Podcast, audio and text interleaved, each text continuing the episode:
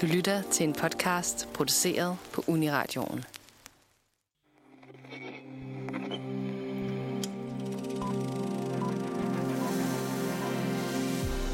Kill Bill, Twilight, About Time, Corpse Bride og Sex and the City. Det er lidt af en eklektisk samling, men til fælles har de alle, at de hver især får bryllupsklokkerne til at ringe på deres helt egen særlige måde. I den her episode af filmmagasinet Nosferatu nærmer vi os nogle af filmhistoriens mest ikoniske, mærkelige og nytænkende bryllupper, som her dissekeres af en sand bryllupsfanatiker, en skeptiker, en vaskeægte kommende brud. Og hun skal nok fortælle os, om portrætterne har fat i noget, eller om de bare er ren fiktion. Velkommen til. Velkommen til denne episode af filmmagasinet Nosferatu. Mit navn er Karoline Ballstrøm. I anledningen af, at Nosferatus podcastredaktør skal giftes, skal vi i dag tale øh, godt og grundigt om portrætter af bryllupper på filmen. Det er et emne, øh, som jeg personligt føler, at vi her på Nosferatu burde have undersøgt i vores podcast for længst. For er der noget mere vidunderligt end bryllupssekvenser hen mod en romantisk komedies klimaks? Svaret er overraskende nok for mig. Ja. For mere, efter mere end 120 år med filmmediet, har der efterhånden håbet sig et utal af bryllupsscener op, som viser, at den store dag ikke kun består af misundelige brudepiger, en drømmeprins, en laber sweetheart neckline tyldkjole i knækket hvid og en honeymoon i lanerne. Med mig til at se nærmere på de mange forskellige bryllupsfilm gennem tiden, og for at tage et nærmere kig på deres mange kvaliteter, fejl og mangler, har jeg samlet et eksperthold af filmfanatikere, som jeg i dagens anledning vil kalde for den gode, den onde og den grusomme.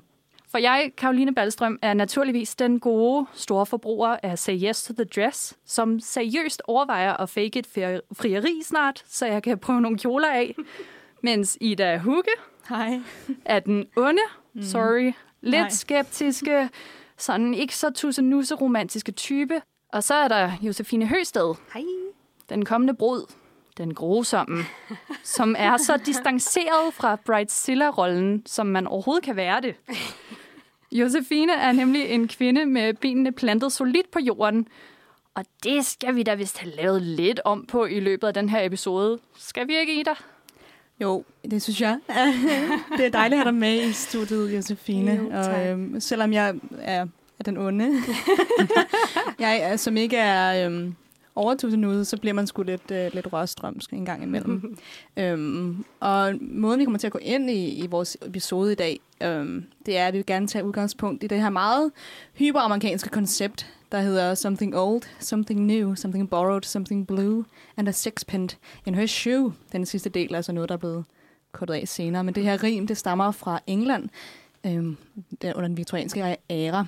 Og det var noget, man sagde til bruden, mens hun gik ned af kirkegulvet her i midten. øh, mens han så gav hende ting, der passede til, til rimet for at bringe held. Og det har ligesom hængt ved lidt, i hvert fald i, i USA, og, og det har så smittet af på, på vores opfattelse af bryllupper. Øh, I dag så skal vi, øh, har vi så opdateret udsagnet en lille smule og smidt det ned over et podcast-format i stedet for, så, øh, så Josefine og kommende, andre kommende brude kan få lidt held med bare at lytte. Det lyder godt. Yes. Um, så vi undersøger i dag forskellige film inden for det klassiske rim. Så Something Old, det, der snakker vi lidt om det sådan klassiske, konve- konventionelle, sådan traditionelle brudefilm. Mens Something New ser på det mere sådan nytænkende, sådan overraskende film, som måske vender forventningerne lidt til, hvordan vi normalt ville for, forestille os, at et filmisk bryllup ville se ud. Øh, som Something Borrowed er så vores, er den næste, vi har ikke? er, øhm, hvor vi uh, snakker om, om, om lidt mere sådan meta tilgangen til øh, vores borrowed, som, hvor vi sådan, øh, trækker fra forskellige sådan lidt intertekstuelle øh, idéer, hvordan vi går til bryllup. Så øh, øh, den klassiske kjole fra Twilight, der er blevet brugt i mange øh, forskellige ting nu, og nu er blevet øh, solgt for mange, alt for mange gange til for mange øh, teary-eyed brides. Um, og Something Old Blue er den sidste, som runder episoden af med brudefilm, der får tårnen til at trille efter, hvordan det nu øh, hvad der nu får os til at, til at græde.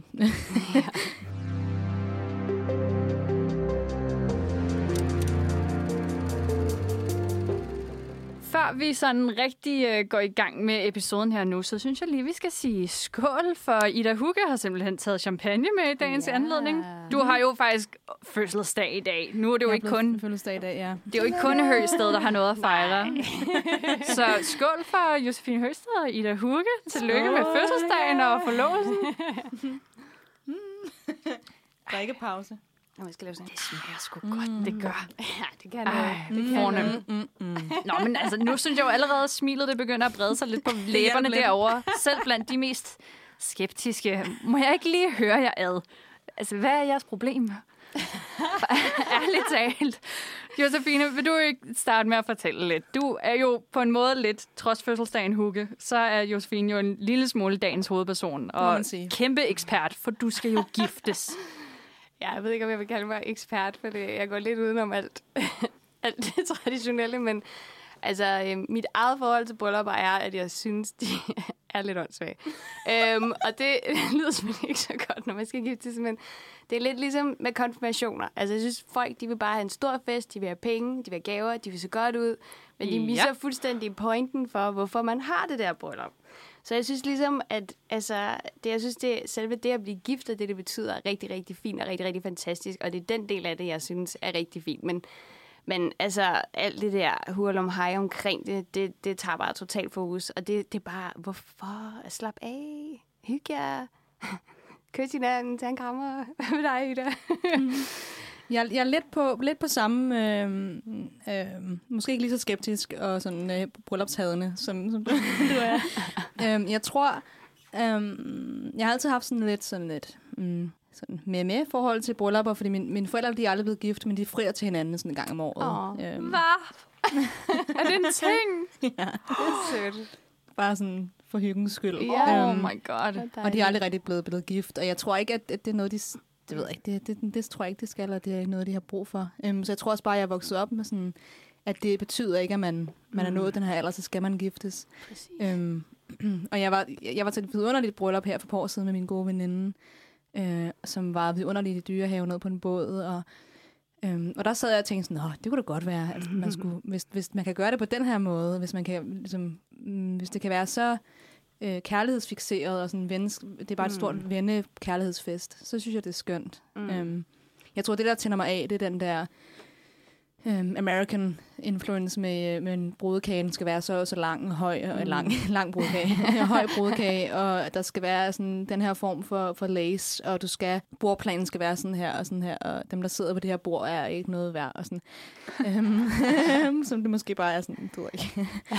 øh, og jeg tror også, at, men ja, det ved jeg ikke. Du er lidt mere positiv, ikke, øh, Karoline? Og det, det tror jeg godt, vi kan sige. Men jeg, altså, I lyder så afbalanceret og velrundet derovre, men sådan, min, min fascination med bryllupper, den startede i Fona i 2009, hvor min bedste veninde og jeg, vi splicede til Bride Wars på DVD til 49 kroner.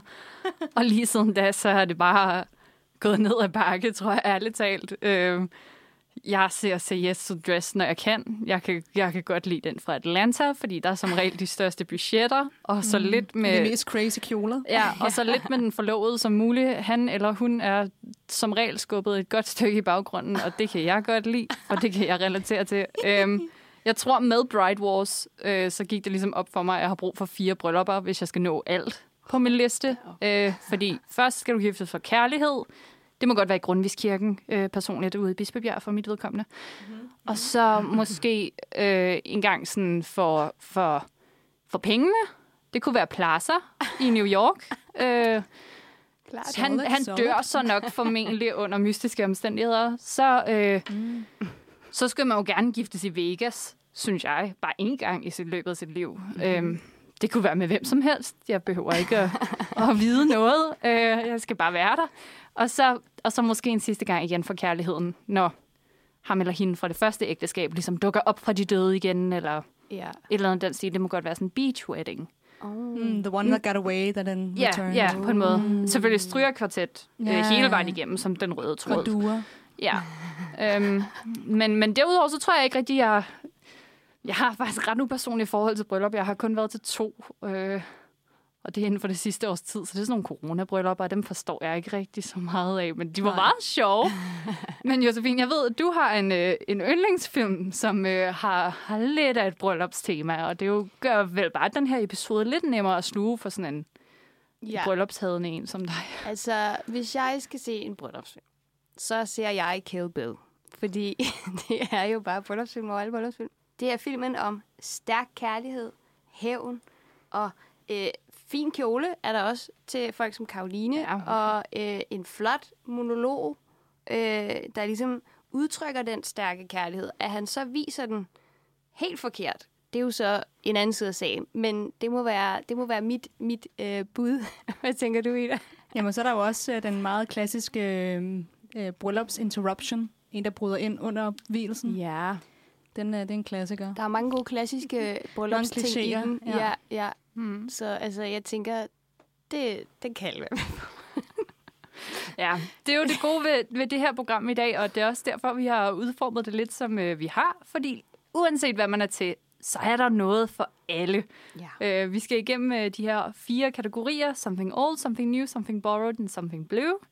Og lur mig, om selv den værste skeptiker i løbet af det her program bare skulle få en lille smule lyserød farve i kinderne ved tanken om et dejligt bryllup.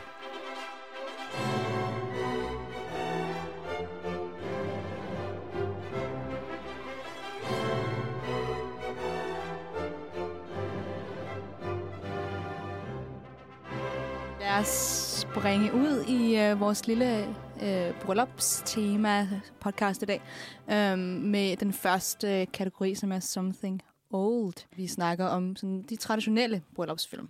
Øh, så det er som dem, der følger øh, opskriften til punkt og prikke. Så vi har jo vi har film som The Wedding Planner øh, med Jennifer Lopez og Matthew McConaughey før øh, The McConaissance, så han blev ligesom, det var lidt i hans sådan awkward face. um, øhm, vi har en klassiker, Min bedste vens bryllup, som nogen måske vil tænke var sådan lidt ikke øh, klassisk, fordi den har en lidt skæv slutning, men den følger alligevel alle de der øh, traditionelle øh, øh opskriftsingredienser. opskrifts øh, ingredienser. Øh, så kan man også, vi kan også snakke helt tilbage til, sådan, til øh, the, the original rom-com, den helt originale romantiske komedie, som er It Happened One Night, hvor der faktisk er den scene, hvor hun løber ud fra brylluppet, og fra det bryllup, hun skulle have været til, og løber hen til den mand, hun egentlig skulle være sammen med. Øhm, så det har ligesom sat stenen i, hvordan man øh, skulle lave sådan en film omkring folk, der løb fra bryllupper. Øh, og så er der jo filmen Runaway Bride, som gen, faktisk handler om en brud, der bare bliver ved med at flygte fra bryllupper, indtil at Julia Roberts møder Richard Gere, og så kan man jo ikke lade være. um, um, jeg har taget et lille klip med fra Wedding Planner, fordi det er en film, som øh, fra 2001, sådan lige i prime-årene øh, der omkring, hvor det, alle de sådan, klassiske romantiske komedier kom ud. Og øhm, med, igen med Jennifer Lopez og Matthew McConaughey, som Jennifer Lopez, hun spiller en wedding planner, øhm, som jeg aldrig rigtig har forstået, at altså, det er der mange, der gør i USA, at, at de ligesom hyrer en til at og, og, og sætte det hele op og bestemme alt, øhm, hvordan det skal være.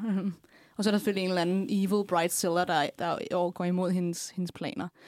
Øhm, og hun er sådan en meget anti-bryllup, hun vil ikke selv giftes, øhm, men øhm, selvom hun er wedding planner. Og så møder hun selvfølgelig Matthew McConaughey, men han redder hende fra at blive trumlet ned af en skraldesvogn, øh, som as you do. Um, da, hendes, da hendes precious sko sidder fast i jorden. Og, og han er så en børnelæge og perfekt, som det nu skal være. Og så finder hun selvfølgelig ud af, at han er brudgommen til det, brud, den, det bryllup, hun er ved at planlægge for hinanden. Uh. Øh, og så øh, dilemma ensues der. Og så hendes far øh, vil så gerne have en gift, og ender med at få hende, øh, i løbet af filmen prøver hun, han at få hende øh, gift med en anden. Så hun er egentlig forlovet, men hun er ikke sådan rigtig forlovet, for hun er egentlig forelsket i Matthew McConaughey, så det gælder ikke. Hvem er ikke det? Hvem er ikke det jo? Mig. Hvad? er, er det jo Matthew McConaughey? Um, altså, nej. Um, I'm sorry. um, ja, og det her klip, jeg har taget med, er, um, hvor at Jennifer Lopez, hun snakker omkring øh, hvad, det, hvad det betyder for de ting, man vælger til sit bryllup, som åbenbart er virkelig vigtigt. Fordi hvis man ikke vælger den rigtige form for sang, så er man doomed to the start. Så nu skal du virkelig lytte efter, Josefine. Ja, jeg er klar. For det her kommer det. Thank you for what you did. No problem. You don't have to be all smug about it. How about a quick recap here, Mary? You harpooned me for being engaged. When, in a zippy and unexpected twist, you yourself turn out to have a fiance. And now you have the nerve to call me smug? Come on, Mary, what the hell is your problem? Oh, you're the one with the problem. I've been doing this a long time, and I can predict, down to the week, how long a couple is going to last. Are you aware that Fran has chosen teal for her bridesmaids? Teal, the color of gangrene. My last bride who chose teal wound up getting her marriage annulled in 12 days. Ja, så der, øh, der skal man passe på, hvilken form for, for øh, ophængning af, af tyld, man vælger. det, øh, ja, den her film, altså, det, det, det er noget af et dilemma, fordi jeg synes tit i sådan en bryllupsfilm, så, der, så er der en anden fiancé eller noget, der er i vejen selvfølgelig. Og det er altid den fiancé, som er et røvhul. Og så, så man forstår aldrig, hvorfor de har valgt den person til at starte med. øhm, men øhm, nu er lige spoiler warning til slutningen af den her film. Så øhm, luk ørerne, hvis du vil se den. men hvis du har set nogen film, så har du set den her film. S, øh, ja, så de, hun, han står til sidst, og han skal selvfølgelig løbe hen for at, at opbryde hendes bryllup. Matthew McConaughey skal løbe for at bryde Mary, altså J, J-Lo's øh, bryllup op. Og, øhm, og det gør han ved at gå hen til sin egen brud og sige, ved du hvad, du vil meget hellere lade være med at blive gift. Og så siger hun, ja, ja Matthew, det vil jeg. Jeg forstår det godt. Tak fordi du har gjort det her. Og det er bare sådan, det giver ingen mening for mig, at han, hun bare siger, ved du hvad, det er fair. Love, love wins. Men, øhm, og så løber han selvfølgelig hen, og så finder han sammen med J-Lo. Øh, men, øh, men alligevel, så kan jeg ikke lade være med at tænke, Altså, kan jeg ikke lade være med at løfte hænderne lidt i vejret, når han løber igennem den der, og, øh, altså, hopper op på en lille bitte cykel fra en eller anden barn, han har stjålet for at skynde sig hen til J-Lo. Øhm, hvordan har du det med, øh, med den slutning, Karoline? Altså, jeg har uundgåeligt, skulle jeg næsten til at sige, jeg har det selvfølgelig godt med den slutning. Jeg har ingen kritisk sans, når det kommer til den slags klimaks whatsoever. Øhm, men selvfølgelig har du ret i, Ida, at det her er altså næsten for punkt at prikke en film, der følger en narrativ opskrift på, hvordan et bryllup det skal fremstilles. Det er så, altså sådan, slut 90'er, nu er den godt nok fra 2001, men det er bare, altså sådan, alt fra tøjet og måden, de er nogle, sorry, ordentlige kunst, alle sammen i den her film, er bare næsten lidt for, altså sådan, det ligner jo en, en karikatur. Og kan vi lige tale om, at hovedpersonen hedder Mary, Ja, som det er at så sindssygt. gift. Mary, kunne du i det mindste lige have fundet en sådan, bare en, øh, øh, noget, der måske var en, en lidt mindre hård association til bryllupsbranchen. Altså, det alt på mig krummer i min tær over den her film, men på den anden side kan man også se det positive i, at, at Matthew McConaughey og Jennifer Lopez's karakterer Steve og Mary ved at slå sig sammen, så har, er, der jo, er der jo potentielt øh, en, en partner mindre ude i verden, der skal leve med dem. Nu er de to bare deres egen lukkede lille unit, og så skal de ikke ødelægge to livet for en anden mand og en anden kvinde. De har ligesom begrænset... Altså, stop faren. Er det ikke det første, man lærer i førstehjælp? altså sådan, flyt, flyt alt væk fra Ja. scenen, der kan gøre noget værre. Så på den, altså, på den måde er det jo public service nærmest, de udøver. Hvad synes du, Ida? Ja, det, det er rigtigt nok. Men det er også, altså, jeg tror noget, det jeg el- elsker, altså min uh, guilty pleasure, det er sådan nogle proposal-scener, næsten mere end bryllupsscenen. Det er sådan, for, det er frieriet. Og den, det er en af de smukkeste, faktisk, søde øh, sådan proposal-scener, jeg har set nogensinde, er faktisk på den her film, men ikke mellem de her to. Det er øh, ham, som er, ender med at, at blive næsten gift med Jennifer Lopez, som er sådan den sødeste unge mand, og bare prøver, du ved, at ja, øh, hjælpe, og, være, og, sådan, og har, har været forelsket i hendes, øh, han hedder Massimo, en ung fyr, har været forelsket i hende, til de var børn, og er bare meget, meget sød med hende, og åbner sådan en lille, øh, sådan et, øh, hvad hedder det, dukkehus, hun havde, da hun var barn, og har sættet ringen derind, og du ved, siger, at øh, jeg, skal nok, jeg vil jeg være der for evigt, og sådan noget. Og Matthew McConaughey har, vil ikke være der for evigt. Han flytter med hende fra starten af, og altså redder hende fra, jeg ved godt, han redder hende to gange. Det var det også det her klip handlede om. Det var anden gang, han reddede hende fra en hest. Som han, ja, du den klassiske Ja. hest, der, jo løber, der løber løbsk, og så redder manden ham øh, hende. Øhm. Men, øhm, men alligevel, så ja, men jeg falder alligevel for den. Altså, jeg kan ikke lade være.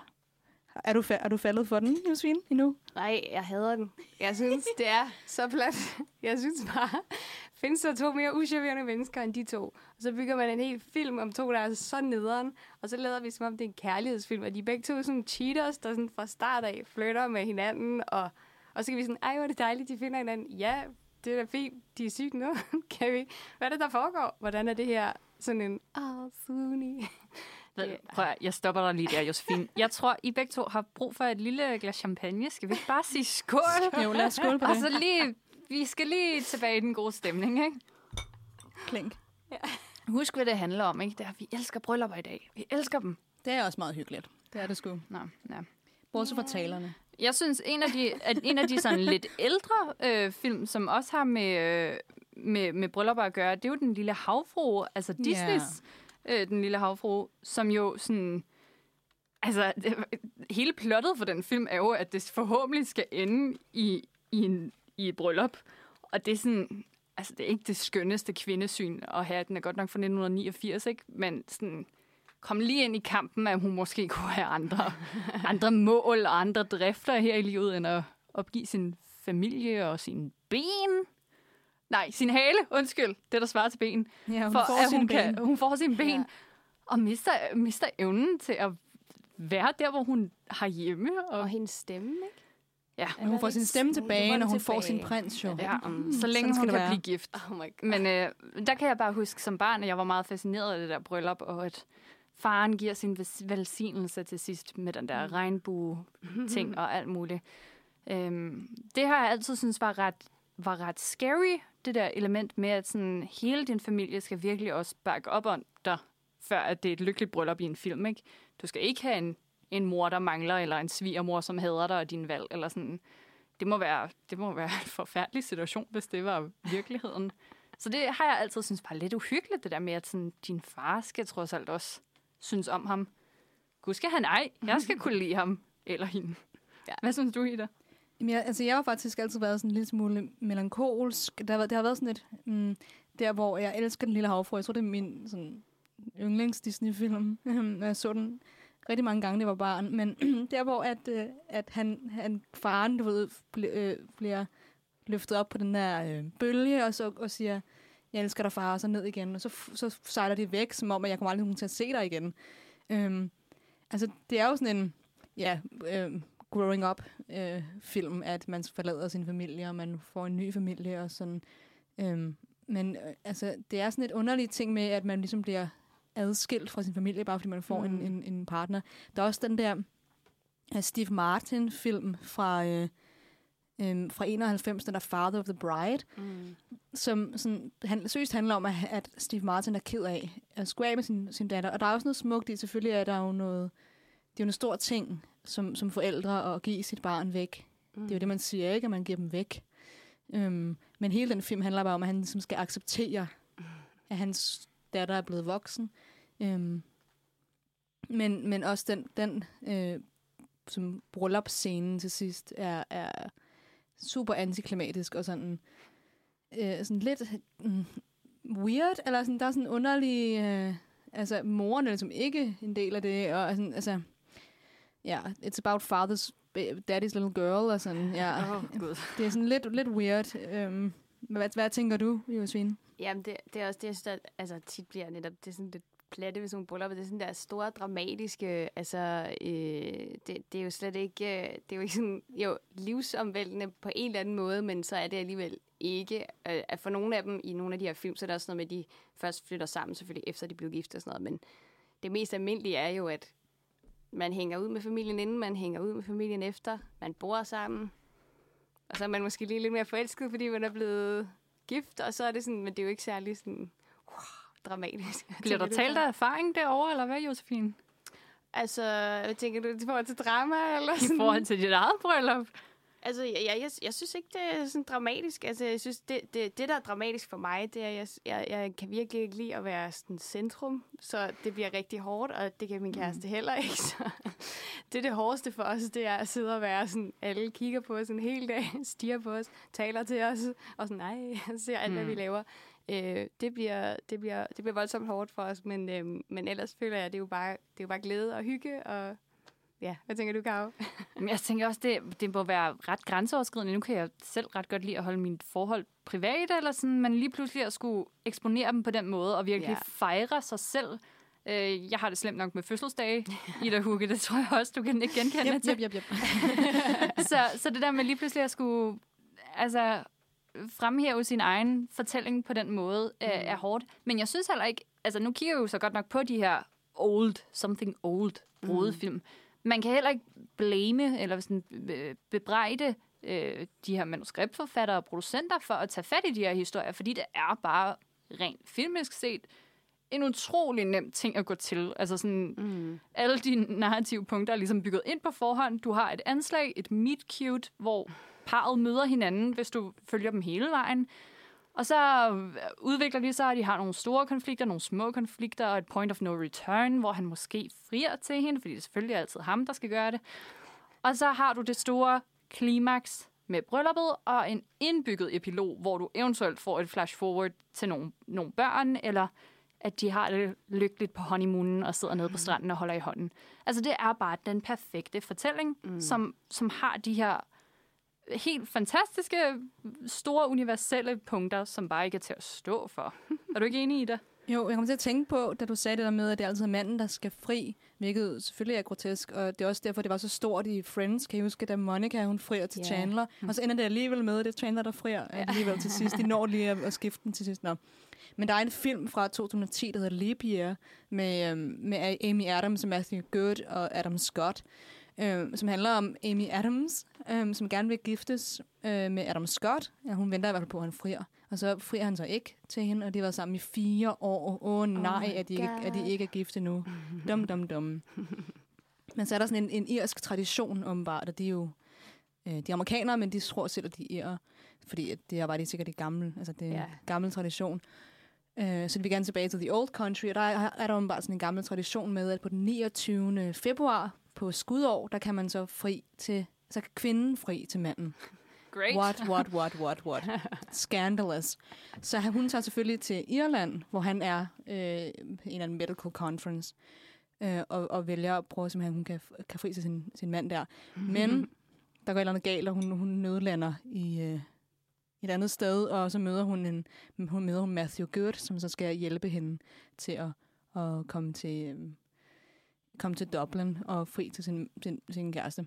Øh, og den er altså så så åndssvag, at jeg kan slet ikke, jeg kan slet ikke, altså, men og alligevel, så, jeg tror, jeg har set den måske syv gange. jeg ved ikke, hvad der sker. Fordi den, er, den, den, den trykker på alle de der sådan, classic, og sådan, det er sådan en roadtrip-film med nogen, der bliver forelsket og er sure på hinanden i starten, og hader hinanden, sådan Pride and Prejudice-agtigt, og ender med at blive forelsket, og, og han frier til hende, og, sådan, øhm, og, sådan, og så er der den, altså, den dummeste linje med, at, at den dummeste replik, at de har måske kendt hinanden i et par dage. Og så, siger, så sætter han sig ned og frier til og han hader selvfølgelig bryllupper. Og så siger hun, ja undskyld, jeg spoilede den her meget øh, øh, dramatiske film. Hvor han så, så siger hun, "Ej, jeg troede aldrig in a million years, I would see you down on a, on a knee, on a knee. Og så siger han, ja, yeah, it's getting a bit damp, et eller andet. Han siger et eller andet. Og sådan, jeg kender hinanden måske et par dage. Altså, I burde ikke, hun wow. burde ikke. Og der er det bare sådan, hvor kommer det fra? Altså, hele den her idé om, at hun skal fri til ham, mm. sin kæreste der, er out of the question. Altså, det, er sådan, det, bliver, det bliver latterligt gjort, hvilket jeg synes er helt grotesk. Ja. Det lægger også vildt meget pres på manden, jo, at han skal Jeg synes, det er smukt, Ida, at du siger, at selvom du ikke kan forstå, hvorfor, så er der bare noget, der får dig til at se den igen og igen. Ja. Og det er jo bare de her narrativer, som altså sjovt nok har formularen bare bestået i flere årtusinder. Og vi har bare en tendens til at blive tiltrukket af dem, og vi kan ikke gøre for det ligegyldigt, hvor langt ude vi synes noget er. heldigvis, så skal vi jo også tale om øh, andet i dag, end bare øh, daterede, forfærdelige, mandsjuvenistiske øh, kønsroller. Så øh, skal, vi ikke, øh, skal vi ikke se at komme lidt op i tiden og øh, Jo, få, tak. nogle, få nogle brøller, som vi rent faktisk kan relatere til? Jo.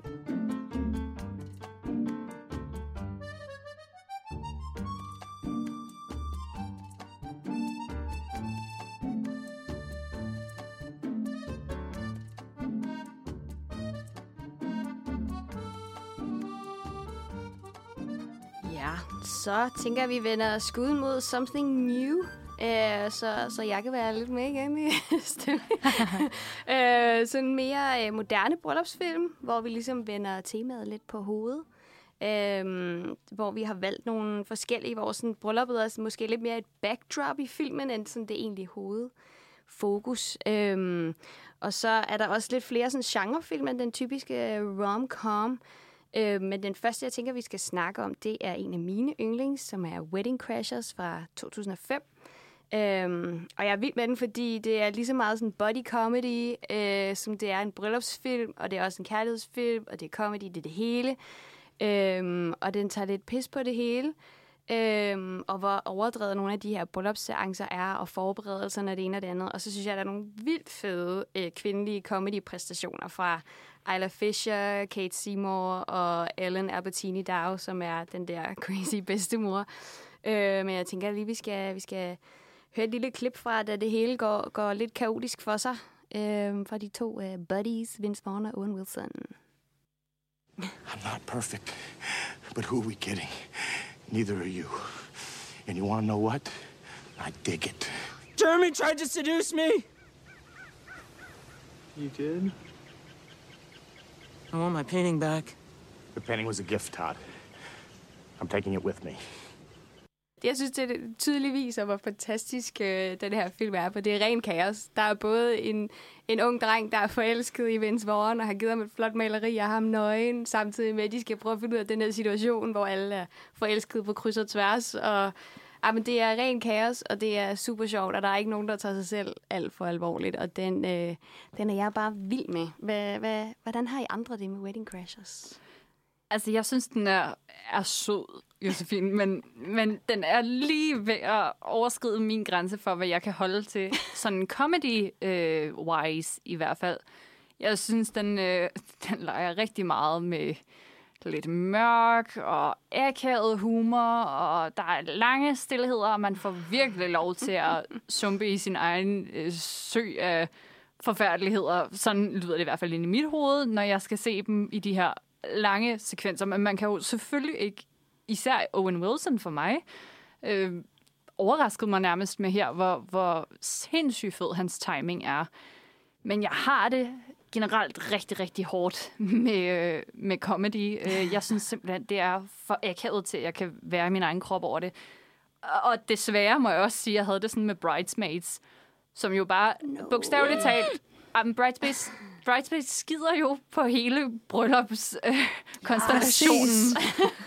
og det, både er jeg lidt snærpet og kan ikke rigtig tage det, men jeg kan bare heller ikke overhovedet tage comedy-elementet i det. Men jeg, det er selvfølgelig altså enormt befriende at se kvinder indtage den der øh, prutte-humor-rolle på film, og at den så også gik så afsindig godt i biograferne, som den gjorde, er bare så befriende. Altså, det, det viser bare endnu en gang, at verden er meget, meget klar til, at kvinder også tog, tog den rolle på sig, og det er jo sidenhen også gået fremad øh, med, at kvinder får lov til at få standalone comedies. Øh, så det, det var jo dejligt, men øh, gud, hvor jeg grammede mig, da jeg så Bridesmaids første gang. Hvad med dig, Ida? Øhm, jamen, lad mig, jamen, Bridesmaids kunne jeg godt lide. Jeg vender lige øhm, til Wedding Crashes, lige, fordi at jeg kom til at tænke på, at jeg synes, at jeg synes, den var meget sjov, og, sådan, og jeg elsker Owen Wilson, og jeg er sådan lidt... Øhm, alt, han gør, synes jeg er dejligt. Wow. Um, han er skøn. Men øh, og jeg synes måske... Jeg, jeg tror, jeg har en lille smule problemer med sådan nogle, sådan nogle bro bromedies, nogle bro-comedies. Um, altså, jeg må indrømme, at jeg, også- jeg altså, jeg elsker sådan noget hangover og sådan noget. Det kan jeg ikke... Mm, det synes jeg er meget sjovt. Men, men Wedding Crashers, jeg, jeg, det jeg tror, var, det, jeg, jeg synes, den var fed, men jeg tror, det der, hvor jeg havde problemer med, og det var kun, at hvis de her fyre her havde været biroller, så var de blevet udstillet som røvhuller hele vejen igennem, og så havde de tabt filmen. Altså, så havde de ikke Mm. vandt, vandt, vundet kvinderne til sidst. Fordi at de starter med at være sådan nogle, der bare Ja. tager ind til... Film handler jo om, om, om de her unge fyre, to mænd, Will Wilson og Vince Vaughn, som tager rundt til bryllupper og, og bryder ind, eller crasher bryllupper, Mhm. mm-hmm. for at, at, at, at, at, at være, sammen med, være sammen med damer. Øhm, og det er sådan... Altså, det siger meget om deres karakter, synes jeg, at de gør det. Øhm, og ja, så jeg tror ikke, altså hvis de ikke havde været, du ved sådan, hvis Owen Wilson ikke havde stået i kirken og sagt, det vil være sammen med dig, Rachel McAdams, så havde han ikke, altså, så, og hvis han ikke havde været hovedrollen, så var han blevet udstillet. Øhm, ja. Er, er, du- er du sur over vores, øh, vores review, Josefine? Nej, jeg synes, det er så fedt. Altså, jeg er helt ude med alt det der akavet humor, og jo mørkere, jo bedre, og, og alt det der. Men jeg synes faktisk, den, den redeemer sig selv ved, at altså, ja, Vince Vaughn og Owen er sådan super nederen typer i starten. Men så når de kommer til det her bryllup, ikke, så kommer Jane Seymour og nærmest sådan forgriber sig på den ene af dem, og så kommer øh, både Isla Fisher og hendes lillebror og hendes mormor og nærmest forgriber sig på Vince Vaughn, og sådan, altså, der, der, der kommer ligesom sådan en, øh, de sådan, okay, der er altså nogen, der er værre end dem, og nu får de lidt smag for egen sådan, medicin, mm. øh, eller får deres egen medicin, og det kan jeg meget godt lide, at de sådan lige får mærket, at det er vildt ubehageligt at blive sådan på den måde. Øhm, og så synes jeg bare, der er så mange fede karakterer, der er så random og anderledes, at den, den alligevel vinder lidt ved det. Øh, Mm. Hvad tænker du? Det er rigtigt nok. Jeg synes også, det er sjovt at tænke på Wedding Crashers som lidt værende sådan startskuddet for øhm, nogle film, der, der egentlig centrerer sig om mænd og deres forhold til, Mhm. mm-hmm. til bryllupper, mm. øh, som ikke nødvendigvis er deres egne, men som de bare er med til. Øh, og det, det passer jo også meget godt ind i det her Something New-segmentet, som ligesom tager brudefilmene og sætter dem i en ny kontekst. Mm. Øh, for Wedding Crashers fra 2005 øh, sætter måske, har jeg i hvert fald en teori om, lidt gang i de der hangover-film, øh, hvor en, en gruppe venner jo tager til, til Vegas og får nogle slemme tømmermænd, som er, som er instrueret af Todd Phillips, øh, hvor vi blandt andet har Bradley Cooper med og Ed Helms. Og, og det er jo en, en franchise af film efterhånden næsten, øh, som omhandler de her mænd og deres følelser i forbindelse med store dage. Og det synes jeg er, er meget interessant at se på, at, at godt nok bliver der gjort grin med de her følelser, men der er jo også noget, noget reelt hjerte i dem, og jeg synes, at så meget som man kan sige om, om hangover-filmene, øh, der også er ekstremt platte, så ligesom Bridesmaids, øh, så er der en- bestemt også nogle, nogle tungere elementer, som går enormt godt med den der comedy-genre. For der kan man jo virkelig mærke, mærke kontrasterne, at når du har været rigtig glad, så kan det lige godt også gøre ondt, især når et Helms virkelig, øh, virkelig bliver ked af det nogle gange, og, og er den lidt mere følsomme type i forhold til de andre. Og det synes jeg, det står jo altid godt til hinanden. Kontraster i film. Det kan mm. vi godt lide. så, så Hangover vil jeg bestemt også sige, er, er blandt de, de nyere gode bryllupsfilm. Ja, det, det, synes jeg, det synes jeg faktisk også. Altså, det er også, at... Men det kan også vise, at, en, at Helms faktisk gerne... Han, han vil jo gerne giftes. Han glæder sig til at blive gift. Og, mm. Eller ikke et Helms, det er ikke ham, der skal giftes. Hvad hedder han? Ham, som bliver efterladt på taget. Ja, just, hedder han Justin i filmen, eller i virkeligheden? Øhm, ja, ham, der, ham, som ikke er med i filmen, fordi han bare bliver efterladt på en madras. Ja. Øhm, at Helms skal giftes i toeren, ikke? Jo. Øhm, ja. Men det- jeg synes faktisk, de er ret skønne, og det viser også, altså det er sådan et, et dejligt ma- mande-venne-forhold. Øhm, men det, det, jeg faktisk godt kan lide med Bridesmaids, det er, at det viser, øhm, i forhold til sådan den der 27 Dresses romcom, som jo handler om øhm, Always a bridesmaid, never a bride. Mm-hmm. Øhm, som bare handler om, at hun er sur at hun ikke selv bliver gift. Mm. Så, og hun, altså det er, hvad hedder det, Catherine Heigl, som bare er brudepige meget lang, 27 gange. Øhm, hvor at jeg synes, Bridesmaids er ret skøn, fordi at den handler om en, et venindeforhold, øh, og at, at Kristen Wiig ligesom finder ud af, at, sådan, at jeg er ved at miste min veninde, øhm, eller ikke miste hende, men hun er, nu er hun ligesom på vej til en ny rejse, og hun er ligesom gået sammen med mig hele mit liv, og nu skal vi, nu skal vi ned ad to forskellige nye veje, og, og vores veje skilles, og, og hun finder ud af, hvor, hvor alene hun selv er. Øhm, og så, øh, ja, og så er jeg også bare så totalt forelsket i Chris O'Dowd, så det er jo noget ja. andet, som Kristen Wiig øh, finder sammen med der. Så der, jeg synes faktisk, at Bridesmaid er ret skøn, sådan, fordi den også har noget andet end bare sådan noget prutte, mm. pick patter humor. Øhm, hvad tænker du, Josefine? Jamen, jeg er meget enig. Jeg, mit, mit problem med, med, med Hangover er, jeg synes, at jeg synes, den er lidt mere netop sådan prut pick patter humor end for eksempel ja. Wedding Crashers. Og det har jeg det generelt lidt stramt med. Men, og så synes jeg, det jeg rigtig godt kan lide ved for eksempel Wedding Crashers og Bridesmaids er, at jeg føler, at det er sådan lidt mere nu snakker jeg også sådan mere udseendsmæssig øh, repræsentation af rigtige mennesker, øh, hvor Hangover, så skal Bradley Cooper lige pludselig gået fra at være sådan crazy type i Wedding Crashers til at være sådan super lækker, der er sådan håret tilbage og bla bla bla, og han styrer showet, fordi han er den pæne, han er den seje, han er den sjove, og det synes jeg bliver så irriterende plat han er, den, det, han er den lækre og pæne den seje. Åh, oh, men det er bare... Øh, ikke? Hvorfor kan, altså sådan, hvorfor ja. kan Sarah Galifianakis ikke være den seje? Eller sådan, altså, mm-hmm. hvorfor, hvorfor skal det lige være? Hvor jeg synes, sådan, Bridesmaids, det er sådan vildt fedt karaktergalleri af forskellige kvinder og forskellige typer, og der er ikke nødvendigvis en, der er mere sej end de andre. Og så for eksempel Rose Byrne, som er vildt smuk og skal forestille sig at være sådan en rigtig... Hun er en league over de andre, men det viser sig, at hun er mindst lige så usikker og akavet og utjekket som alle de andre. Ikke? Altså, det, det, det synes jeg bare er lidt federe, hvor Hangover har sådan nogle meget stereotypiske roller, synes jeg, til dem, til dem alle. Mm-hmm. Hvad tænker du, Karo? Mm.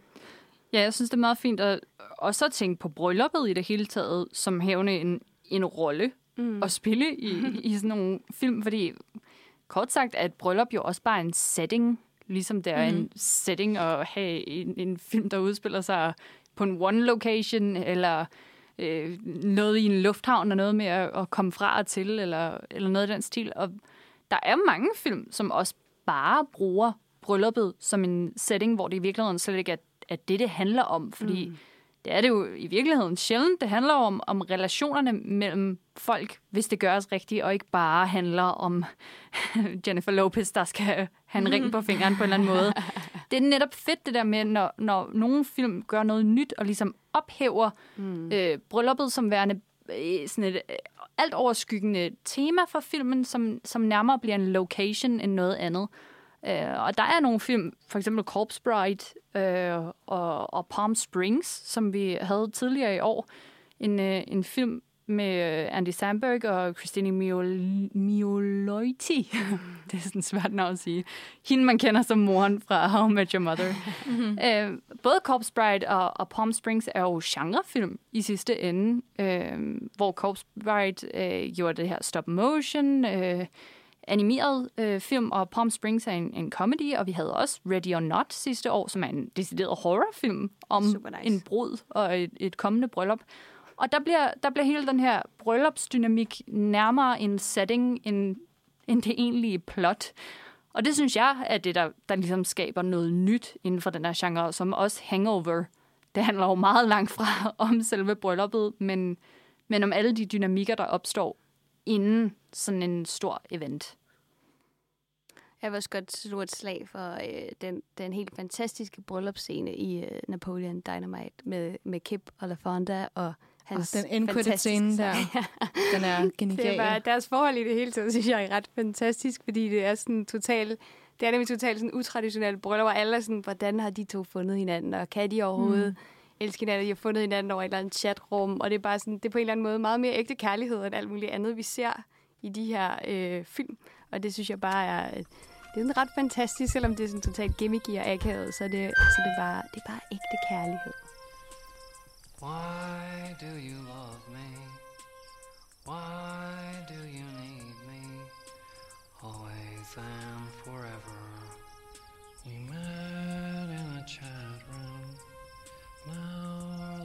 fully bloom. Sure, the World Wide Web is great. But you, you make me salivate. Yes, I love technology, but not as much as you, you see. But I still love technology, always and forever. Ja, vi er jo kommet til Something Borrowed-segmentet, og det her det bliver sådan lidt mere konceptuelt. Hmm. For nu skal vi tale om, hvordan film har smittet af på virkeligheden. Det her meta-element, som Ida Hugge også øh, præsenterede lidt i starten. For med Something Borrowed skal vi tale lidt om, hvordan film låner fra hinanden, men også hvordan virkeligheden i den grad låner fra filmen. For det er jo uundgåeligt næsten i vores samfund i dag. Ikke at læne sig enormt meget op af popkulturen, når det kommer til at danne vores egen meninger om, hvordan noget skal være, men også for at have nogle rollemodeller til at se, hvordan man kan, kan udforme sit eget liv. Og selvfølgelig præsenterer film, som alt andet, vi ser i medierne, øh, nogle idealer, som naturligvis ikke er til at, at hamle op med. Men øh, alligevel så øh, lader især kvinder verden over til at tage de her øh, filmiske referencer fra bryllupper enormt nært til sig. Øh, blandt andet kan det her ses på øh, brudeindustrien øh, med, med brudekjoler, som gennem tiden altså punkt og prikke følger de store tendenser, der ses i, i brudekjoler på film, øh, og sjovt nok året efter afspejler sig enormt meget inden for designindustrien. Et særligt stort udsving skete der, da øh, Bella Swan blev gift med Edward Cullen i den fjerde Twilight-film, part 1, mm. øh, hvor brudemarkedet simpelthen eksploderede. For Bella Swan, snart vampyren Bella Cullen, hun havde en, en helt særlig kjole på. Og, og af egen bitter erfaring, vil jeg nærmest sige, så kan jeg selv huske, da jeg selv i 2011 så den her brudekjole for første gang, fordi jeg kan bare huske, at jeg tænkte, det er sådan, der jeg også skal gøre. Det det var perfekt. Det var bare det ultimative bryllup. Manden var der, tjek. Jeg har altid været en Team Edward, ikke en Team Jacob. Så, så han var i hvert fald den rigtige, der ventede for enden af, af The Isle. Og brudekjolen, den sad sgu også bare lige i skabet. Den her brudekjole, den øh, gjorde så stort udsving på markedet, at den stod for 50 procent af alle solgte kjoler i Kleinfeld, som jo er Say Yes to the Dress, hjem, hjemlandet. Wow. Øh, altså den model, som ligesom er, er med en helvedes masse knapper på ryggen. øh, den er designet af designeren Carolina Herrera, som øh, blev bedt specifikt af Stephanie Meyer, altså forfatteren bag Twilight, om, om hun ikke nok ville lave Bella Swans brudekjole. Jeg ved ikke, om, om alle kender Herrera, øhm, men hun, er, hun står bag sådan en parfumelinje især. Det er ligesom det, hun er kendt for, som forestiller, altså parfumeflasken i sig selv, forestiller sådan nogle psykopat høje, højhælede sko, som ligner nærmest dem, som Beyoncé hun har på på sit uh, I Am Sasha Fierce album. Altså sådan nogle, som du ikke kan gå i.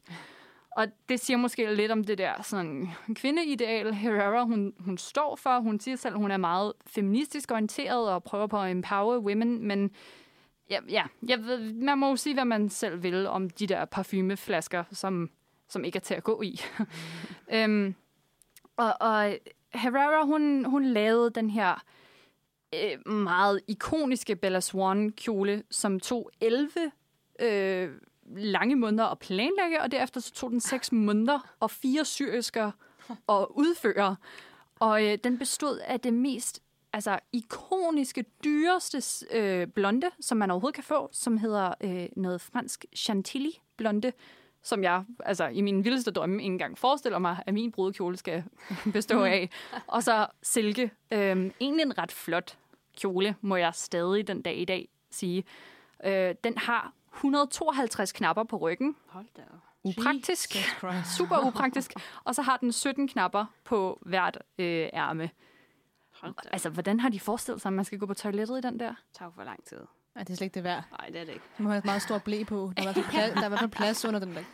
det bliver en fed ja. bryllupsnat. øhm, jeg tror lige, at vi skal høre et lille klip fra Karoline Berlstrøms ungdom, da jeg i 2011 sad i biografen og så den her kjole første gang. Og, øh, og jeg synes, at vi skal reflektere måske en smule over bagefter, hvordan det her bryllup nok så, altså visuelt er det, er det meget smukt. Men øh, stemningen, den ved jeg sgu ikke lige, om den er der. I, Edward Cullen. I, Edward Cullen. Take you, Bella Swan. Take you, Bella Swan. To have and to hold. I was a quick, wet, to have and to hold. For better or for worse. For richer, for poor. In sickness and in health. I do. I do. I love you. I love you.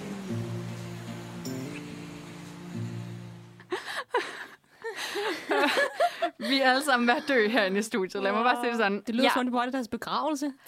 Fuldstændig. Altså lad mig bare sige, jeg har skruet så fucking meget op for det her klip, og I kan høre det sådan bruse i baggrunden, fordi de taler så lavt.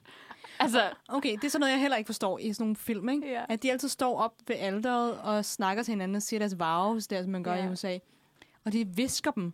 Ja. Og så det har altid irriteret mig, fordi hvordan kan folk høre det? Ja, det er ret Og så, så, så sidder de og klapper og sådan, nej, hvor flot sagt. ja. sådan, du har ikke hørt noget. No way, at du kunne høre, hvad det var, de sagde. Må jeg spørge jer, Ida og Josefine, kan I huske det her bryllup?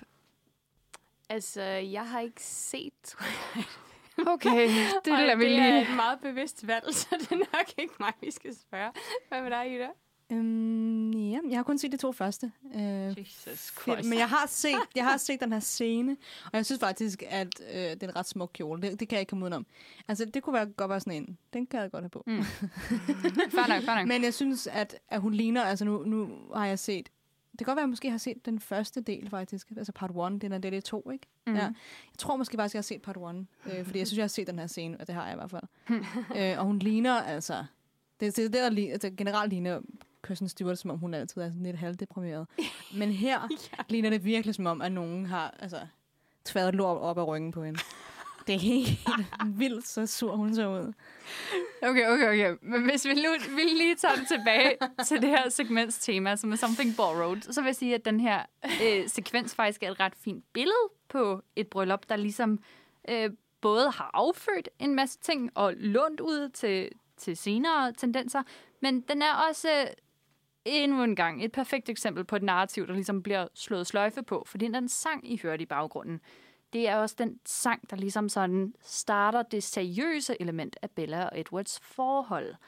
Den hedder øh, et eller andet med Flightless Bird, og emo, men øh, det, det er ligesom sådan en, en, en pæn auditiv sløjfe på, at det var der, deres forhold begyndte i slutningen af, af etteren fra 2009, og så Nej, 2008. Det er, fordi den kom ud i 9 i Danmark. Anyway. Men så, så spiller vi den ligesom igen til deres bryllup, fordi nu starter deres nye liv sammen, og, og det var ligesom et lukket narrativ med Bella som menneske. Og mm-hmm. det, derudover, så må vi også bare sige, at øh, Stephanie Meyer, hun er jo mormon, og hele Twilight-sagaen har indtil det her bryllup også foregået med sådan hænderne pænt over dynen for Bella og Edward. Så på den måde kan vi måske godt forvente, at med deres nyfundne sexliv, at der åbner sig en helt ny verden for dem. Så på den måde kan jeg godt se, at der ligesom skal jumpstartes øh, en ny ting nu. Hvad siger du, Jasmin? Jamen, jeg har bare sådan et spørgsmål til det, når nu jeg ikke har set dem. Altså, hvor gamle er de, da de bliver gift, og hvor længe har de kendt hinanden? Ja, ved vi Edward, det? er han ikke sådan god 250? Mm. Jo, det er omkring 200, 250 ja, ja, ja. Øh, og jeg tror, Bella, hun er ret provokeret over, at hun lige præcis når at blive 19. Ja, og det er også sygt noget, at først at blive gift, når man er 19. Ah, ja, det er virkelig ja. kikset. Altså, jeg vil, jeg vil sige til hendes forsvar, så ligner det sådan lidt sådan et sydstatsbryllup, og statistikker viser, at sydstats amerikanere har det med at blive gift tidligere. Øh, og, altså, scenografien i det her er jo enormt smukt. Øh, og jeg ved, at production designet også er inspireret af Midsummer Night's Dream, med sådan mm. mange draperinger og, og blomster, der, der ligesom hænger ned, og du er inde i en, en fe-skov nærmest, når du er som, til Bella. Og... Som er en Shakespeare, som handler om, at, de, at man bliver forelsket i de forkerte. Ja. og det siger måske noget. ja, men, men, men det her production design er ligesom inspireret af det. I ja. hvert fald. Det er også meget smukt. Det ser ja. meget smukt ud.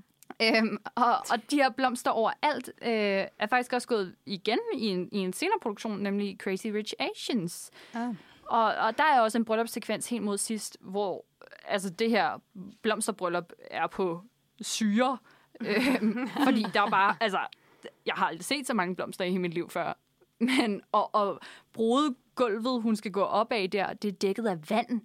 Fordi så spejler alting sig og sådan noget. Og det er meget, meget smukt, men altså sådan det, det production design, som er inspireret af Colin brylluppet der, det er virkelig og galt, det er trippet. Hvad synes du, øh, Ida, om, øh, om den her slags bryllupper? altså, jeg, mm, jeg synes, det er meget fint, at blive det ude i skoven og sådan noget. Der er også den der scene fra uh, Desperate Housewives, når uh, Susan bliver gift med Mike ude i skoven, og Og det synes jeg er meget hyggeligt og smukt. Øh, det er lidt, altså Crazy Rich Asians, Asians øh, bryllup er lidt meget voldsomt og en scene, men det er også, altså, jeg synes også, det er en smuk scene, og det er jo sådan, they needed each other. men altså, jeg kom, jeg kom til at tænke på den scene fra Love Actually med Keira Knightley, øh, da hun blev gift. Mm. Og der, det er jo en, det er en scene, som er sådan virkelig meta, som har, så, du ved, blødt ud i virkeligheden. Det er på det tidspunkt, da den kom ud. Der, det, er, det er en scene i starten af filmen, hvor at, uh, Keira Knightley øh, bliver gift, øh, og så han brud, brudgommens ven, altså forelsket i hende. Det finder man så ud senere.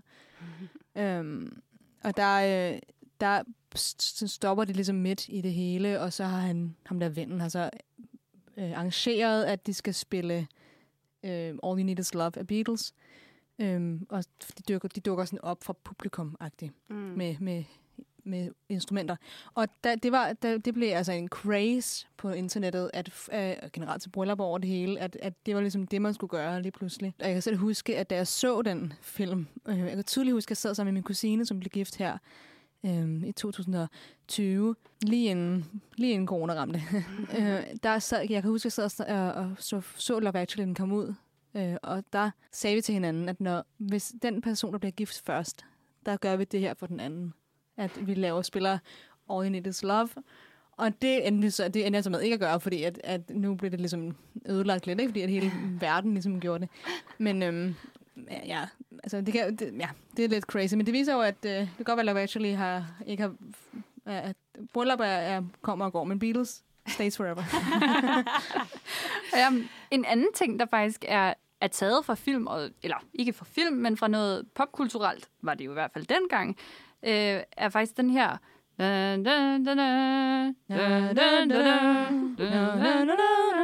Præcis.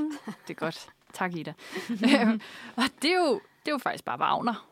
Ja. Det, er faktisk, det er faktisk bare Wagner. Og så begyndte det så trist, når du så, siger Nå, men han, Wagner var fandme nar.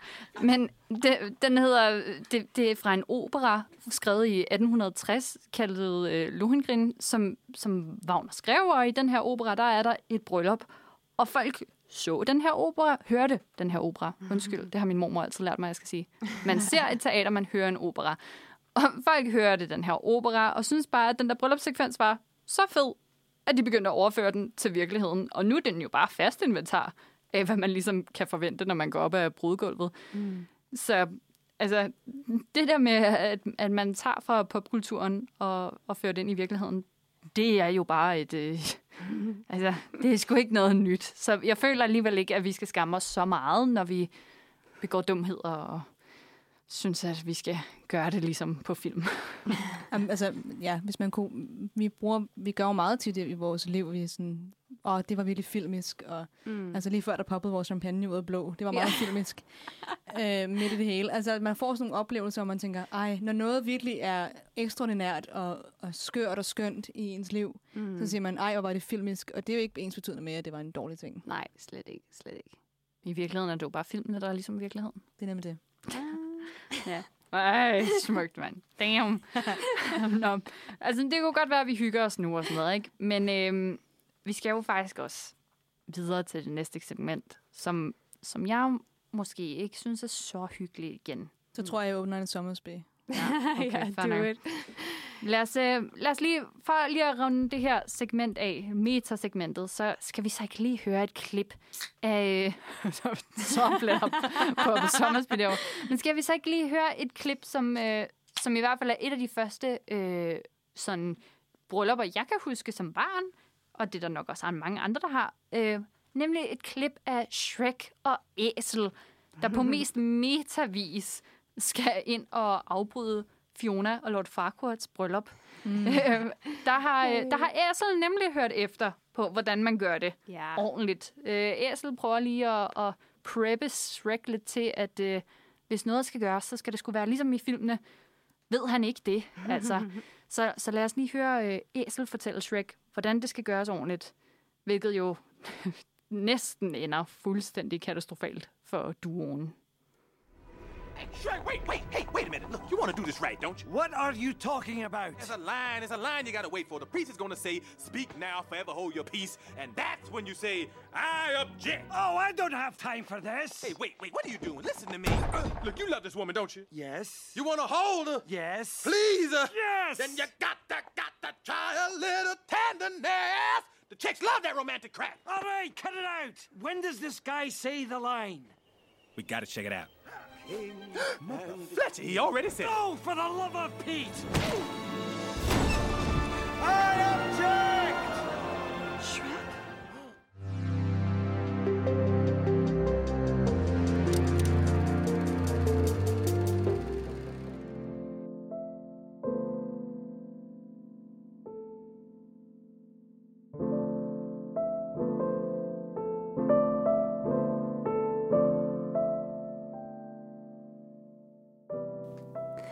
Ja, og efter dejlig Shrek der, så hopper vi videre til uh, Something Blue, som uh, jo er lidt mere trist end Shrek. Uh, det er jo sådan, er ikke nødvendigvis, det kan også godt være en, en, en god film, der ender bare sådan lidt trist, eller noget, man får lige følelserne helt ude på tøjet. Uh, men det er sådan mere triste, melankolske bryllupsfilm, eller nogen, der får os til sådan at tænke lidt mere over livet og kærligheden og de dybe følelser.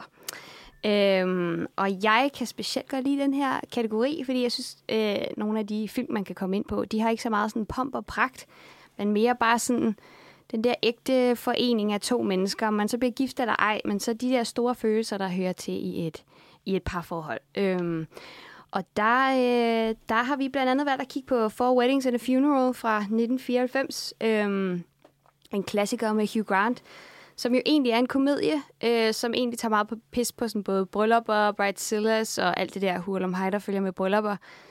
Men der er også et, et dybere lag af to kærlighedshistorier, både sådan uforløst kærlighed, men så er der også en rigtig smuk og, og stærk kærlighedsforhold mellem Gareth og Matthew.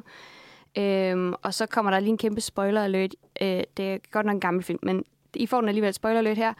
Øhm, I klippet, vi så skal høre lige nu, det er Matthews smukke mindetale til Gareth, som bare er smuk, sørgelig og fuld af beundring og kærlighed for, for det menneske, Gareth var, og den, den kærlighed, øh, de to delte.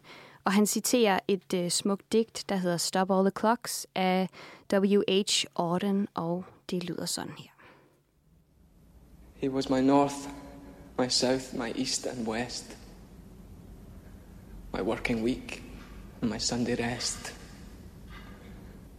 My noon, my midnight, my talk, my song. I thought that love would last forever. I was wrong. Oh, Ja. I'm gonna cry. Ja, Hvorfor og tog du det den jo- med? Ja, men det er fordi, altså det er jo det eneste par, der ikke som sådan bliver gift i filmen, øh, men, men det er for mig, det er ægte kærlighed. Deres forhold er, det er så fyldt med, ja, men det er det. Det er så fantastisk. De er, den måde, de er sammen på i forhold til alle de andre par, de deler alt sammen. De har det så sjovt sammen. De har dybe samtaler. De er bare så afslappet omkring hinanden og de lever med hinandens finurligheder, og det er bare, det er ren kærlighed, og det er uden alt det der fjolleri, og de, de er jo blandt andet ikke blevet gift, fordi de formentlig ikke har kunnet på det tidspunkt. Øh, det er jo homoseksuelt par, så de har desværre ikke haft den mulighed, men den ene af dem er også sådan lidt imod alt det der traditionelle og alt det der firkanter noget. Men jeg synes bare, det er så fantastisk, deres forhold, og jeg synes det faktisk er rigtig dejligt, at det er et homoseksuelt par, der har den her stærke, stærke, sunde kærlighed. En lille side note til det. Det er til gengæld det eneste par, der dør. Det er dem, hvor det er et homoseksuelt par. Det er rigtigt, og det er, det er så det, det er 90'erne, der lige skriger lidt der, men, men det er virkelig, virkelig, virkelig smuk øh, kærlighedshistorie mellem de to. Hvad siger du, Karo? Jeg kan huske, da jeg så den her film første gang, det var lige efter, jeg havde haft min sådan, Titanic-fase, hvor jeg bare satte den på på repeat, Mm. fordi jeg igen havde været i Fona og købt den til 49 kroner. God gamle Fona. Ja, og jeg kan huske, min mor, hun, hun ville vise mig den en aften, og hun var sådan lidt, hehe, nu får jeg dig, agtig, ikke? Fordi hun vidste bare, at det her, det ville simpelthen ramme som en boldhammer, og det gør det også. Og jeg græd så meget til den her film, at selvom vi skulle tale om den i dag, og I godt nok har lukket lidt, og I har været sådan lidt, ej, nu skal vi snakke om den, og skal vi ikke se den igen op til, og sådan noget, så har jeg bare været sådan, prøv at, nej, det skal jeg ikke. For jeg kan huske den aften, hvor min mor satte den her film på, og hele filmen igennem sad med krydsede arme, og egentlig sådan drejet sådan 180 grader mod mig, væk fra tv'et, TV'et for bare at se på mig. Og jeg græd så meget, at jeg ikke kunne kende mig selv. Åh. Altså sådan, jeg var færdig. Og den er på listen over film, jeg bare aldrig skal se igen, fordi Åh. den var bare så god. Og så fin. Og, og det er jo også endnu en film, der, der mere bruger bryllupper som settings Mm. til ligesom at få nogle dynamikker på banen. Ja. Og det jeg tror jeg, hvis alle tre vi kan blive enige om, at vi bare har meget mere til, end dem, der egentlig bare rent handler om, om bryllup, begivenheden, og, og det som den store sådan, øh, narrative funktion. Mm. Så altså, Hvad tænker det du, er Ida? bare en fin film. ja. Jeg synes, den er ret skøn, men jeg tror også, at jeg er totalt sokker for den der britiske, Mm. mm. lidt sådan, ko- ikke kolde øh, humor, men sådan lidt sådan dry humor i hvert fald. Øhm, hvor at øh, de ikke går full on med sådan wedding bells og, og crazy tyld og sådan. Og så synes jeg også, at for eksempel, de har jo den klassiske øh, regnværskys-scene mellem Hugh Grant og Annie McDowell, øh, som jo er kendt øh, for, for det. Og det var også sådan den, det var den film, der gjorde Hugh Grant til, til den der sådan lidt... Øh, øh, øh, øh, øh, st- sådan stumbling, uh, weird British guy, uh, who's good looking, uh, som jo gjorde ham til verdens berømt Ja. um, uh, heartthrob. Og, og den, den måde, han frier til hende, eller i hvert fald sådan den der kærlighedserklæring Mm. i regnen, og kysset i regnen, er så, er så britisk på den gode måde, og jeg synes, den er ret, ret vidunderlig, ret skøn. Men jeg kommer også til at tænke på en anden, jeg tror, den er britisk, eller også en britisk-amerikansk øh, film, About Time, mm. fra 2013, med, med Donald Gleeson og Rachel McAdams, som bare er så sød. Og den fik mig nemlig til, for jeg, jeg synes, den var rørende for Weddings and a Funeral, men jeg begyndte ikke at, at, at græde så meget, som jeg gjorde til About Time. Den var så... Men det tror jeg på grund af det der far, far-søn-forhold, og Mm. det handler om en, der finder ud af, at han kan øh, rejse i tiden, øh, og så møder han en kvinde. Øhm, og så, ja, så den er sådan lidt sjov i starten, men så finder man ud af, okay, hvad er egentlig effekten af det der med at kunne rejse tilbage i tiden og slette det, man har gjort. Og jeg synes, den er ret, ret vidunderlig. Øhm, og den sad jeg hulkegræd til øhm, til sidst. Øh, den er ret fantastisk. Jeg tror også, det, jeg er ret enig med dig. Jeg synes, den engelske film for mig vinder ofte mere i min bog end den amerikanske, fordi jeg synes, de, de har en fed humor omkring det, som netop er sådan lidt tør og sådan lidt, men jeg synes også tit, det kommer til at snakke sådan mere om sådan menneskelige relationer end alt det der sådan Helt klart. pomp og pragt og sådan noget, ikke? Altså, det bliver meget mere, øh, der ligger, det føles i hvert fald som om, der ligger en eller anden dybere mening, og vi ser lidt mere som, hvordan rigtige mennesker interagerer i rigtige situationer. Og det, der så føles lidt uægte, det bliver der så også taget ret meget pis på, så man sådan hele tiden bliver holdt nede på jorden. Og det synes jeg bare er lidt federe end de der sådan meget amerikanske bryllupsting. Og jeg er totalt enig, og alligevel så er jeg også sådan en, der har set Pride and Prejudice måske 25 gange. Og altså... Og jeg ved godt, at der er mange, der hader den der 2005-version med Keira Knightley, men den er, Hva? så, den er Hva? så... Hvem? Hvem? Præcis, I Hvem? know. Med folk, der siger, at de er Jane Austen-fans i hvert fald. Og jeg har læst alt Jane Austen nogensinde har lavet tre gange, og jeg synes, øh, jeg synes, hun er fantastisk. Men jeg synes, at det, som er så skønt ved den faktisk, øh, den version, det er, at den er så smukt filmet også, Ja. og at den er, altså hele cinematografien er, er, er bundet ind omkring øh, øh, historiefortællingen. Mm. Og den måde, han, han kommer gående til sidst. Men altså, uh, you have bewitched me, body and soul. Altså, jeg kan ikke... Stop øhm, det. nej, men altså, der var jeg sådan, okay, jeg vil gerne have en. Jeg vil gerne opleve på et eller andet tidspunkt i mit liv, der er en, kommer gående igennem en field og siger, you have bewitched me, body and soul, and I love, and I love, and I love you. Ej, stop det. Pay attention out there, nu ved I, hvordan I skal score i det.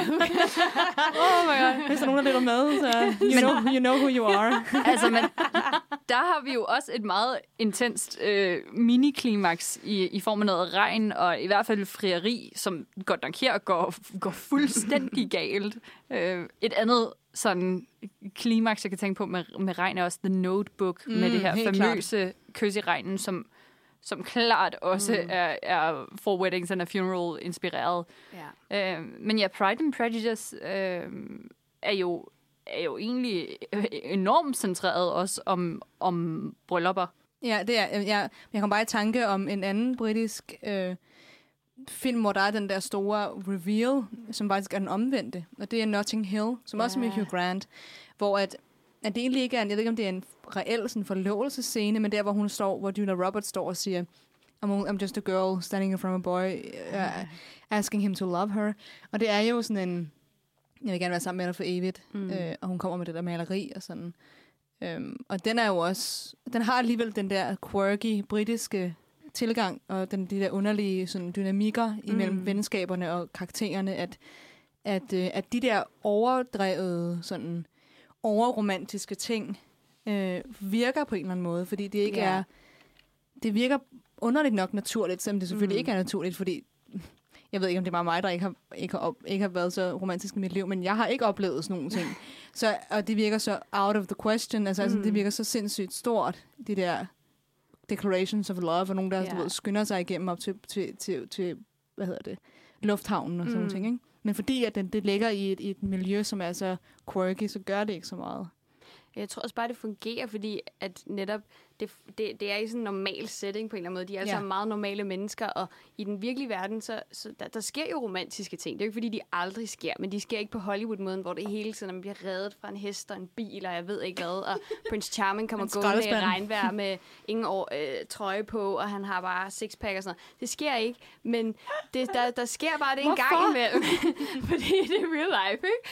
Og så sker der bare det en gang imellem, at man godt kan gå og være super mærkelig akavet, case in point, og så en gang imellem, så kommer der en anden rigtig sød person hen til en, og er vildt romantisk, og så... Og det kan man godt, det sker. Det er meget normalt, men det sker bare ikke hele tiden. Og derfor tror jeg, man køber den, når det fungerer, fordi midt i alt det quirkiness, så kan der godt lige komme en lille sød romantisk gestus, der virker. Mm. jeg synes virkelig, det er vigtigt også at huske på det der med, at det er sgu filmene, der lærer af virkeligheden. Det, mm. det skal ikke være den anden vej rundt. Og mm. det største delen af tiden er det jo heller ikke. Fordi hver eneste dag sker der ting, som ikke er, hvor filmisk var det lige. Mm. Det er netop, hvor, hvor realistisk er filmene nogle gange. Ja. Altså sådan, fordi det, virkeligheden er sgu bare, bare federe i sidste ende. Ja. Men, øh, men ja, det, det, det er nemmere bare at putte et cinematisk label på og sige, Gud, hvor var det vildt, at duerne de lige fløj op, mens solnedgangen den satte oh ned. Og, wow. What are the odds? ja. ja, men jeg tror, jeg tror, det er derfor, at, at englænderne de har ramt et eller andet. Fordi mm. at, øh, for det første er, er de vildt gode til at skrive øh, rep, altså, dialoger, mm. og, og, og der er sådan en... De tager lidt pis på sig selv. Altså, de, de er meget selvironiske, øh, englænderne, øh, og, og er vildt dårlige til sådan nogle... De der grand, øh, du ved. Og også, altså, man, man må heller ikke vide så meget om personerne. Jeg tror heller ikke, som jeg husker, at i Four Weddings and a Funeral hører man overhovedet ikke, hvad det er, Hugh Grant arbejder med. Og sådan. Nej, nej, slet ikke. vi kan bare sådan, det er måske bare sådan en britisk ting, at man ikke spørger ind til, hvad man arbejder med. Men der er bare sådan nogle Ja, det, det, øh, det er noget andet end, øh, end, end, end ja, nu, nu ved jeg godt, at jeg har set Leap Day, hvad, øh, syv gange eller sådan noget, men, men det er sådan en nem en, der smider på, og man ved ligesom, hvad det, det er meget nemt, at det er meget trygt, fordi mm. man ved ligesom, at det it's all gonna work out. Um, og det er for eksempel, det er det, som jeg kom til at tænke på med nogen, der ikke rigtig work out, det er for eksempel The Graduate, hvor der, yeah. som jo faktisk spoiler til dem, der ikke har set The Graduate med Dustin Hoffman, men der ender han jo med at bryde, faktisk bryde ind. Der har den der kæmpe store, meget kendte scene, hvor han bryder ind og, og stopper brylluppet og råber, Elaine, Elaine, og banker på glasset, og hun råber, Ben! Og bryder ud, og man tænker, yes, they made it!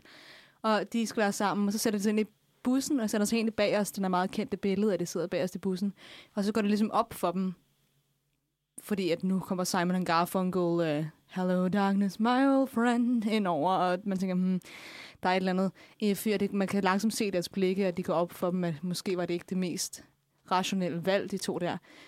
Og det er sådan en, øh, ja, det, det er en smuk slutning, fordi det passer ligesom til den film, men der er også noget i mig, som var sådan, ej, kan I ikke bare, kan vi ikke bare give os den her en gang, hvor at, at det er okay, at it, it, it should work out, eller hvor man også er lidt, øhm, man vil ikke hives helt ud, ud til virkeligheden. Nogle gange har man bare brug for at, at flygte lidt, og mm. nogen, der siger, you have bewitched me, body and soul.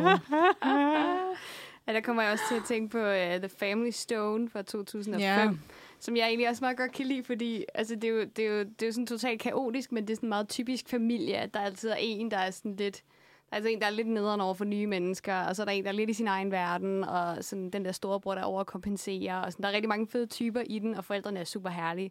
Men det er jo også, sådan, det er jo også et frieri, der ligesom er sådan i centrum for, for filmen. Men det er bare tydeligt for alle det der par, det fungerer slet ikke. Øh, og så kommer der lige pludselig en mystisk søster, og så er folk, der bytter partner, jeg ved ikke hvad. Det er totalt kaotisk, men... Det er så kaos. Det er totalt kaos, men det fungerer ret godt på en eller anden måde. Og den slutning kan jeg godt... Altså, det bliver sådan egentlig en meget fin slutning, og den kan jeg godt leve med, fordi den ikke er så hollywoodsk hele vejen op til. Det er så tosset, Men det er stadig ikke? en happy ending alligevel. Ja, præcis. Ja. Det er en happy ending, man kan leve med, for den er ikke sådan 100% happy ending. ja. En, en anden, jeg gud, en film, jeg er faktisk fast, som, hvor, at, hvor brylluppet er næsten sådan forkert, men alligevel burde være der, og jeg ikke ved, hvordan jeg har det med det. Det er Gone with the Wind. Mm. Fordi den, ja. altså, øh, hvad hedder det, uh, Reed, der, der, der øh, frier til, øh, til Scarlett O'Hara, og den, den proposal-scene er sådan, altså fantastisk filmisk, en, en vild fed scene, og på den anden måde, så er det sådan, der, der, der er det ligesom en business transaction. Det var sådan, jeg, jeg er ikke forelsket dig, men jeg har heller ikke forelsket dig, men jeg er nødt til at være sammen med dig, fordi at det er sådan, det skal være. Mm. Og det synes jeg på en eller anden måde er meget sådan, okay. Og så siger hun så, jeg er ærlig, jeg vil gerne have dig for dine penge. Og så er han sådan, okay, fair nok. Eller sådan, og så finder hun så ud af til sidst, når det er for sent selvfølgelig, ikke? At, at hun er forelsket, og så siger han, frankly, my dear, I don't give a damn. Oh. Øhm, men, øh, men der er, noget sådan, der er også noget, sådan noget business transaction, og det er så for eksempel også, altså, der tror jeg, en af mine yndlingsfilm, jeg ved ikke hvorfor, men er The Proposal, mm. med, øh, er god. med, Sa- med Sandra Bullock, hvad hedder det, og Ryan, God, Ryan Reynolds, fordi den bare er så øh, skør, det hele handler bare om, at, om en... Øh, Ja, business, en øh, business ja. transaction, som så selvfølgelig ender med at blive en god business transaction.